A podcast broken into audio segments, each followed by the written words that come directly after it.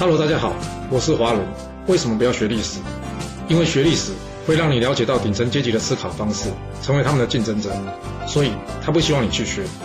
还有学历史会让你看到许多前人成功及失败的案例，你的竞争对手想要好好的睡个觉，所以他也不希望你去学。最重要的是，学历史会让你了解人性，你的老板以及同事都希望你保持天真的心，所以他们更不希望你去学。就是因为这些原因，接下来我要跟你说的是故事，而不是历史。今天的主题是看得远才走得长。先问你自己一个问题：你或是你的公司常常在想这个月的业绩要如何达成，还是这季的目标要如何达成，又或是今年、明年或是五年后会怎么样呢？你知道吗？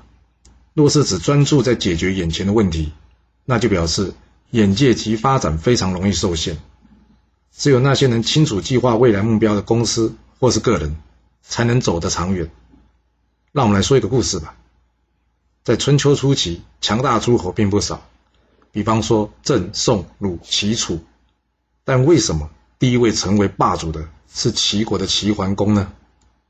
可能很多人都知道，齐桓公之所以能称霸，与他的宰相管仲有关。但是。却很少人去讨论管仲到底做了哪些事情，能让齐国称霸。那我们今天可以来看看管仲做了哪些事情呢？首先，管仲是要齐桓公怎么样？先设立目标，什么目标？就是让齐国成为天下的霸主。有了这个目标之后呢，接着就是齐国一旦成为霸主之后，他的主要的诉求是什么呢？可以是用武力压倒各国。也可以是怎么样除强扶弱，仁义之师。那管仲告诉齐桓公，我们齐国若是要称霸，必须要提倡尊王攘夷这个口号。什么意思啊？就是要天下呢尊称周天子为老大，并且共同抵御外族的侵略。其实尊王攘夷的口号呢，就像是一个公司，必须先确定自己的品牌核心价值啊。管仲之所以提出这个口号，是因为这周天子呢还是名义上的老大，加上他被外族人打到迁都了，用这尊王攘夷的口号呢，刚好可以对得上老大的胃口。有了这品牌的核心价值，当然还要能成功的将它内化了。你想想看呐，要是齐国呢说尊王攘夷，整天呢满口仁义道德，但是自己国家呢做的就是偷鸡摸狗的事，这样子不会有人理他吧？所以管仲告诉齐桓公说：“我们还要教化人民，遵守礼义廉耻这四个字。好了，这些事情都做了，那接下来怎么样？就是要怎么推销自己这个产品的嘛。国与国之间，一切讲求就是实力。若是你自己是个弱鸡，喊什么高尚道德，不会有人理你的。所以管仲接下来要做的是什么？就是富国强兵啊！怎样富国？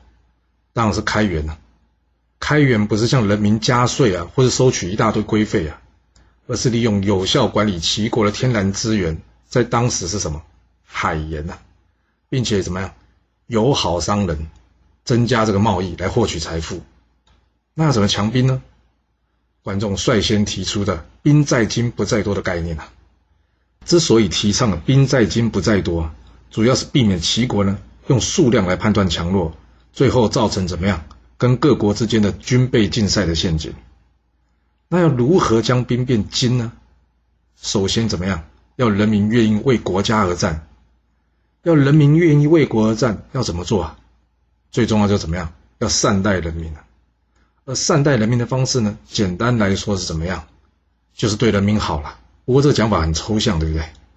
主要呢可以从两个地方去进行，就是增加人民的收入机会。以及减少人民的生活负担。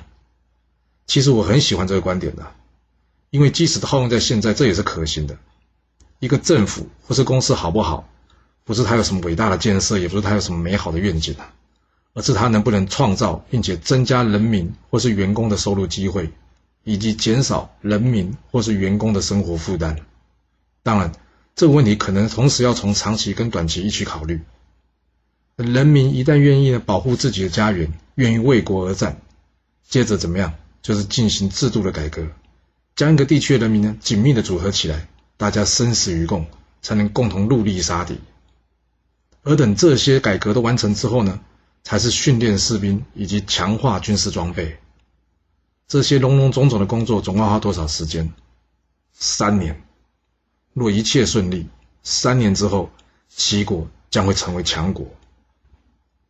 听到这个说法，你可能会觉得，嗯，这有什么了不起啊？但不要说是在当时啊，你根本找不出有谁能对这样长久的未来进行规划。就算是放在现在，你可以想一想，你有没有听过你公司或是哪个朋友有详细规划自己三五年后的生活？在工作及生活也是一样的。若是没有目标，对未来进行规划，什么问题都是遇到再处理，那么就等于一切交给了命运了。运气好，一辈子平安无事；啊，要运气不好怎么办呢？有很多事你准备了，不见得会有用。但是老话一句，只要去做，不是得到就是学到。打个比方来说吧，你有没有试着问自己：我五年后或是十年后，希望要的是什么样的生活？或是？有没有为自己的未来财务设定目标？要达到这个财务目标的短、中、长期，你应该要做什么？或是学习什么样的技能，以及对自己进行什么样的投资？一开始你可能会觉得这很困难吧？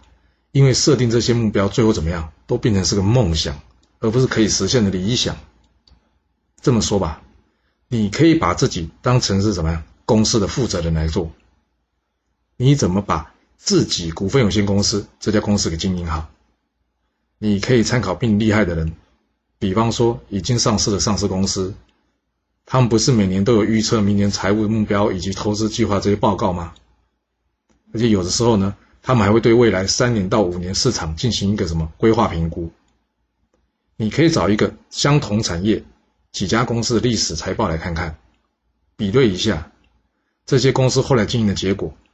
看看这些老板们呢，他们是如何评估，以及这些老板呢彼此之间是如何看待自己同业的产业以及公司的未来？